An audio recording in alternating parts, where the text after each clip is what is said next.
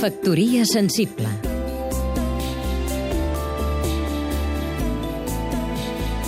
Oleguer Sarsenedes, periodista Diu la mitologia grega que Sísif, rei de Corint, va ser castigat pels déus.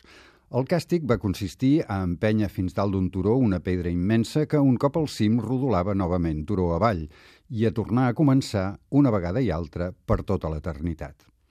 La seva història es recorda avui com a exemple de l'esforç inútil, del treball absurd, de l'absurditat de la vida, fins i tot. L'any 1942, en plena absurditat de la guerra, Albert Camus, de qui fa dos mesos vam celebrar el centenari, va publicar El mite de Sísif, un petit assaig filosòfic sobre la condició humana i en defensa de l'esperit de lluita. Sísif és l'heroi absurd per antonomàsia, diu Camus. El que més valora és la vida, però acaba condemnat a la no vida, a una tasca sense sentit. La seva història és una metàfora de totes les vides que es malbaraten per imperatius de la vida moderna. Però l'home no pot acceptar de viure condemnat a repetir tota l'estona les mateixes coses absurdes. És per això que, tanmateix, Camus ens convida a imaginar-nos Sísif feliç.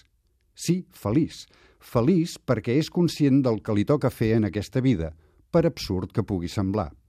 Amb la lluita mateixa n'hi ha prou per omplir el cor de l'home, proclama Camus. Per absurd que pugui semblar. No és casual que ara, en plena absurditat d'això que hem anomenat crisi, Camus i el seu mite decisiv tornin a ser d'actualitat. Precisament ara que cal pensar com reconstruirem el que ens acabem de carregar amb això que hem anomenat austeritat. Factoria sensible Seguim-nos també a catradio.cat.